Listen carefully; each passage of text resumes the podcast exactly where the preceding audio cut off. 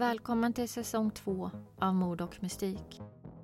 Denna säsongen kommer avsnitten på något sätt kretsa kring 80-talet. Om du gillar podden, ratea oss gärna med en femma i din podcastspelare. Eller ännu hellre, lämna en recension och tipsa någon om podden. Om du vill rekommendera fall eller komma i kontakt med oss finns vi på Instagram där vi heter Mord och mystik. Tack för att du lyssnar.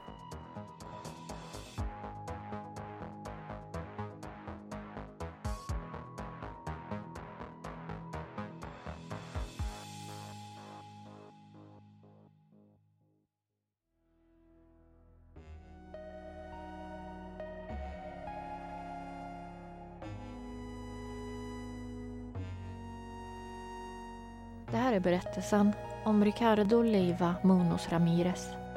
Mer känd som Richard Ramirez, eller The Night Stalker. En ökänd seriemördare och våldtäktsman som härjade i Los Angeles under mitten av 1980-talet. Smeknamnet The Night Stalker myntades på grund av hans satanistiska symboler och uppmaningar till sina offer under sina våldsdåd.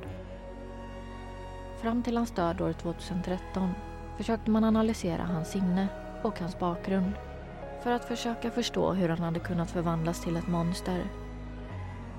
Och Richard Ramirez förblir en av de mest ökända seriemördarna i amerikansk kriminalhistoria. När Richard slutligen greps år 1985 hade 13 personer hunnit falla offer för hans hänsynslösa våld. Offer som valts ut slumpvis, utan något som helst motiv.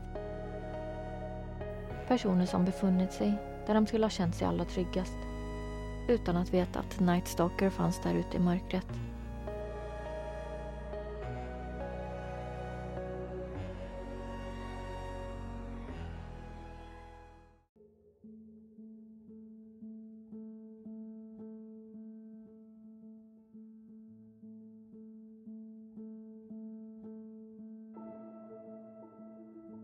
Richard Leiva Munoz Ramirez även känd som Richard Ramirez, eller The Night Stalker, föddes 29 februari år 1960 i El Paso, Texas.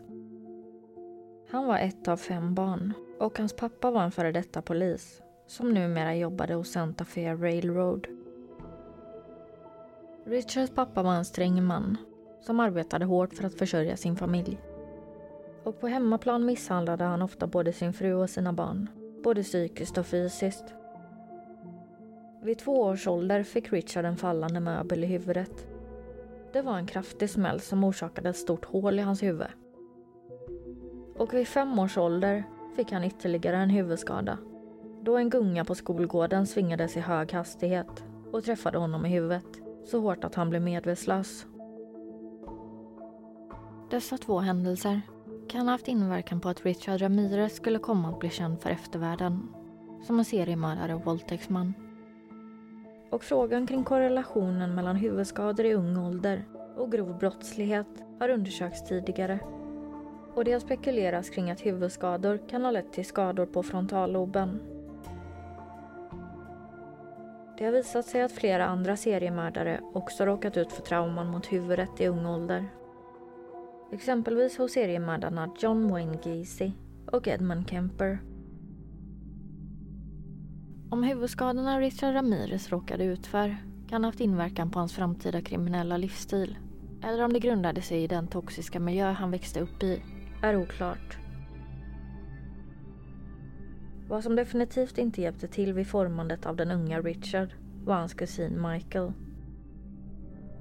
Kusinen var betydligt äldre än Richard och tjänstgjorde som militär i Vietnamkriget. Richard såg upp till Michael och spenderade gärna tid med honom när han kommit hem från kriget. Michael brukade berätta historier om vad han varit med om under kriget för tioåriga Richard. Han visade också bilder han tagit med sig hem. Fruktansvärda bilder som visade bland annat våldtäkter och mord som Michael utfört under kriget.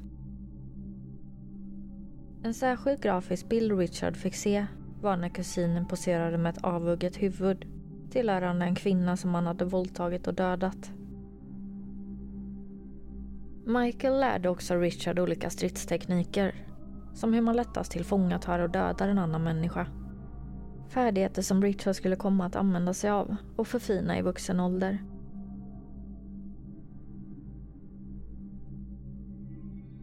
Den 4 maj år 1973 var Richard som vanligt hemma hos kusinen Michael när det plötsligt utbröt ett bråk mellan kusinen och hans fru.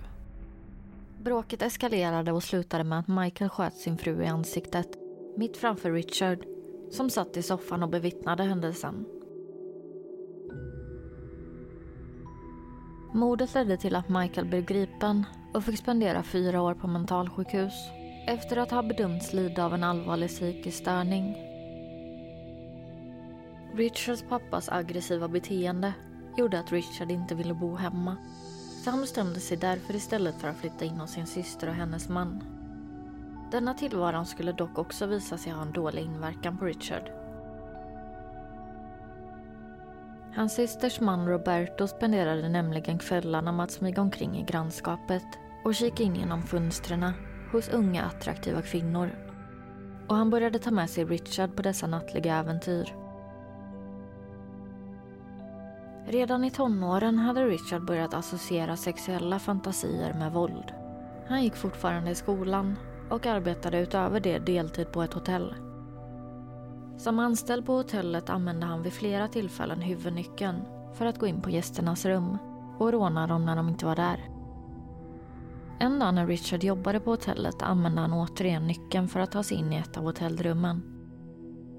Hotellrummet var uthyrt till ett par men det var bara mannen som inte befann sig i rummet vid tillfället. Så när Richard låste upp och tagit sig in i rummet upptäckte han att kvinnan befann sig inne i rummet ensam varpå han försökte våldta henne.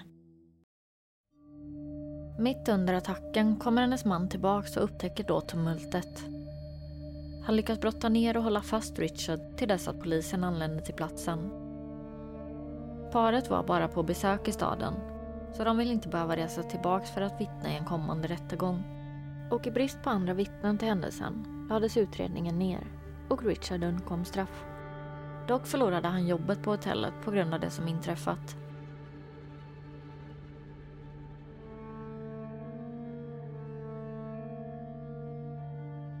Vid 22 års ålder bestämde sig Richard för att flytta från Texas till Kalifornien.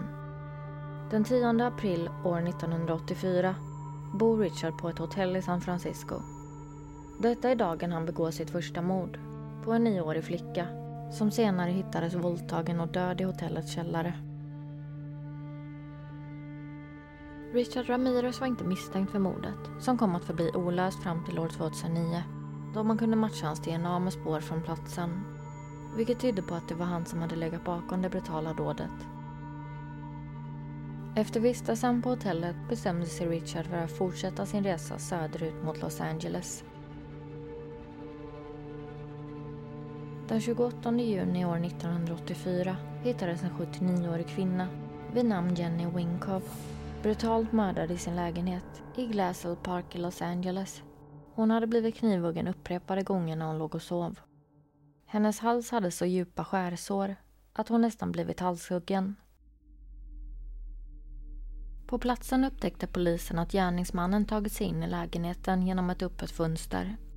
Och de lyckades säkra fingeravtryck i lägenheten från en okänd gärningsman. Den 17 mars år 1985 anlände en 22-årig kvinna vid namn Maria till sitt hem i Rosemead, Los Angeles. Efter att ha parkerat lämnar hon bilen. När hon lämnar bilen springer Richard Ramirez upp mot henne efter att ha legat i bakhåll och väntat. Han avlossar ett skott som träffar Maria rakt i ansiktet. Men Maria hinner höja sina händer för att skydda sig. Och tack vare att hon hade sina bilnycklar i handen studsar kulan på nycklarna. Något som gör att hon mirakulöst överlever skjutningen. Richard är dock helt säker på att hon har dött. Så han fortsätter in i hennes hem för att se om det finns något att stjäla. Inne i huset fanns Marias rumskompis 34-åriga Dale Cassie. Hon hade hört skottlossningen från utsidan och gömt sig bakom en köksbänk. När hon hör Richard gå omkring och rota runt inne i hemmet bestämmer hon sig för att titta upp bakom köksbänken för att se vart han är. Richard får då syn på henne och skjuter henne i ansiktet och hon avlider direkt på platsen. Efter att ha stoppat på sig lite smycken och andra värdesaker lämnar Richard hemmet. Han bestämmer sig för att försöka fly från Rosemead och att det därför vore bra att få tag i en bil. I jakt på en bil stöter han på 30-åriga Tsai Lanje, som även kallas Veronica. Richard sliter ut henne ur bilen och släpar iväg henne en bit bort och skjuter henne två gånger. Efter mordet överger han planen om att ta bilen och flyr istället från platsen till fots. Tio dagar senare, den 27 mars år 1985, bryter sig Richard Ramirez in i Vincent och Maxine Cesaras hus i staden Whittier i Kalifornien. Klockan är 02.00 och Vincent och hans fru Maxine ligger och sover. Richard går rakt fram mot sängen där paret ligger och skjuter Vincent rakt i huvudet. Maxine vaknar av den höga smällen och Richard hoppar på henne och börjar misshandla henne och knyter sedan fast hennes händer. Richard skriker att han vill veta vart alla värdesaker finns i hemmet och Maxine svarar att de har några smycken i hemmet och att han får ta vad han vill så länge han låter henne leva. Han lämnar Maxine i sängen och börjar söka igenom hemmet. Under tiden Richard rotar runt i huset lyckas Maxine ta sig loss från repen hon bundits med. Hon skyndar sig och drar fram ett hagelgevär som paret gömt under sängen. Hon ställer sig mot sovrumsdörren och riktar vapnet mot dörröppningen. Strax därefter återvänder Richard till sovrummet och ser Maxine stå där med hagelgeväret riktat mot honom. Och sen trycker hon på avtryckaren. Men vapnet klickar. Richard blir rasande över att hon har försökt skjuta honom och höjer sitt vapen och skjuter Maxine tre gånger. Efter dödsskjutningen går Richard och hämtar en kökskniv som han använder för att skära ut hennes ögon. Sen stoppar han ner dem i ett smyckeskrin som han tar med sig när han lämnar hemmet. När polisen utreder platsen för dubbelmordet hittar de mängder med fotspår från ett par sportsneakers som visar hur någon smugit omkring i rabatterna utanför bostaden. De hittar också kulor från ett vapen som kunde matchas till de tidigare attackerna som skett. Vilket gör att de för första gången inser att det är en seriemördare som härjar i Kalifornien. Den 14 maj år 1985 befinner sig Richard Ramirez i Monterey Park vilket till skillnad från vad namnet antyder är en stad med drygt 60 000 invånare i Los Angeles, Kalifornien. Han bryter sig in i ett hem hos 65-åriga William Makato Doy där han bodde med sin 56-åriga fru Lilian som var handikappad och satt i rullstol. När Richard tagit sig in i hemmet stöter han på Bill som befinner sig i sovrummet. Tumult utbryter och William som tjänstgjort inom infanteriet i den amerikanska armén sträckte sig efter sin pistol som han hade i närheten. Men innan han hann få tag i vapnet sköt Richard honom i ansiktet. Efter att ha skjutit William började Richard återigen söka igenom hemmet efter värdesaker. Det var då han upptäckte Williams hustru Lilian. Han band, misshandlade och våldtog den handikappade 56-åriga kvinnan innan han fortsatte genomsökningen av huset och sen lämnade han hemmet.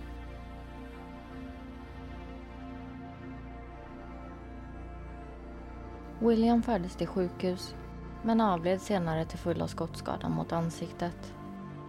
Men Lilian överlevde attacken. Hon dog sex år senare, år 1991, 70 år gammal. Den 29 maj, drygt två veckor efter attacken mot paret Doy, var Richard Ramirez återigen ute på jakt efter ett nytt offer. Efter att ha stulit en bil och använt denna för att ta sig till stadsdelen Monrovia i Kalifornien tar han sig in i 83-åriga Mabels hem där hon bor med sin 81-åriga syster Florence. Väl inne i hemmet tar han sig direkt till köket där han hittar en hammare som han använder för att misshandla den yngre systern Florence. Efter det binder och misshandlar han 84-åriga Mabel med hammaren. Attacken fortsätter med våldtäkt av Florence och elchockstortyr av de båda systrarna. Richard tar sedan ett läppstift som han använder för att måla två pentagram. Dels ett på Mabels lår och ett på en av väggarna i sovrummet. De båda kvinnorna upptäcktes inte förrän två dagar senare. Och de hade mirakulöst nog överlevt den brutala attacken. Och de fördes till Southern California Methodist Hospital. Där Florence kom att återhämta sig och därmed överleva attacken. Men hennes syster, 84-åriga Mabel, avled den 15 juli efter att ha spenderat över en och en halv månad på sjukhuset. Den 2 juli år 1985 stal Richard en Toyota som han använde för att köra omkring planlöst i området. Han såg ett hus som han tyckte såg extra tilltalande ut. Så han stannade bilen och började gå mot huset för att försöka bryta sig in i det. I huset låg 77-åriga Mary Louise Cannon och sov. Väl inne i huset rörde sig Richard tyst omkring i sökandet efter värdesaker. När han kom in i sovrummet såg han Mary liggandes i sängen.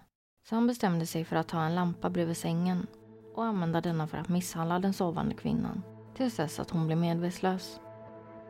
Efter attacken tog Richard de värdesaker han kom över och lämnade sedan hemmet. Marys döda kropp påträffades senare på brottsplatsen. Fem dagar senare, den 7 juli, bröt sig Richard in i ytterligare ett hem tillhörande 61-åriga Joyce Lucille Nelson. På liknande sätt attackerade han även henne i sömnen, vilket ledde till hennes död. När hon senare upptäcktes av polisen kunde man säkra ett skoavtryck i hennes ansikte som påvisade att gärningsmannen avslutat hennes liv genom att stampa på hennes huvud. Vid denna tidpunkten verkade Richard tröttnat på att slå ihjäl sina offer med händer, fötter och diverse objekt från brottsplatserna. Så han bestämde sig för att köpa en machete från en lokal butik. Med den nyinköpta macheten letade han reda på en ny bil att stjäla och använde sedan denna för att ta sig till ett nytt slumpmässigt utvalt hus. Denna gång tillhörande Lela och Max Niding. Paret låg och sov och Richard attackerade paret med macheten för att försäkra sig att de inte överlevt den brutala attacken sköt han dem båda i huvudet innan han sökte igenom hemmet efter värdesaker. Och sen lämnade han platsen. Natten den 20 juli klockan 04.00 bryter han sig in i ett annat hem tillhörande 32-åriga China Rong Kovanant vars fru låg och sov i sängen bredvid honom. Richard gick rakt in i sovrummet och sköt China Wrong i huvudet, som dog omedelbart. Sen band han och våldtog frun. Under tiden händelsen utspelade sig vaknade parets åttaåriga son av tumultet och valde att gå sig efter vad som för sig gick. Richard får syn på parets son när han kommer till sovrummet så han binder även honom och släpper sedan runt åttaåringen i huset och tvingar honom att visa vart alla värdesaker finns. Under tiden ska Richard tvingat den unga pojken att, citat, swear to Satan, att han inte lurade Richard och utelämnade några värdesaker från honom. Richard lämnade sedan platsen och pojken lyckades frigöra sig från repen och springa till en granne för att få hjälp. Den 8 augusti är Richard återigen ute på jakt. Han upprepar sitt vanliga tillvägagångssätt och stjäl en bil som han använde för att ta sig till 31-åriga Elijah och kanske sjuåriga fru Sakina Abovat. Detta var första delen i berättelsen om seriemördaren Richard Ramirez. Missa inte den avslutande delen nästa vecka. Tack för att ni lyssnat.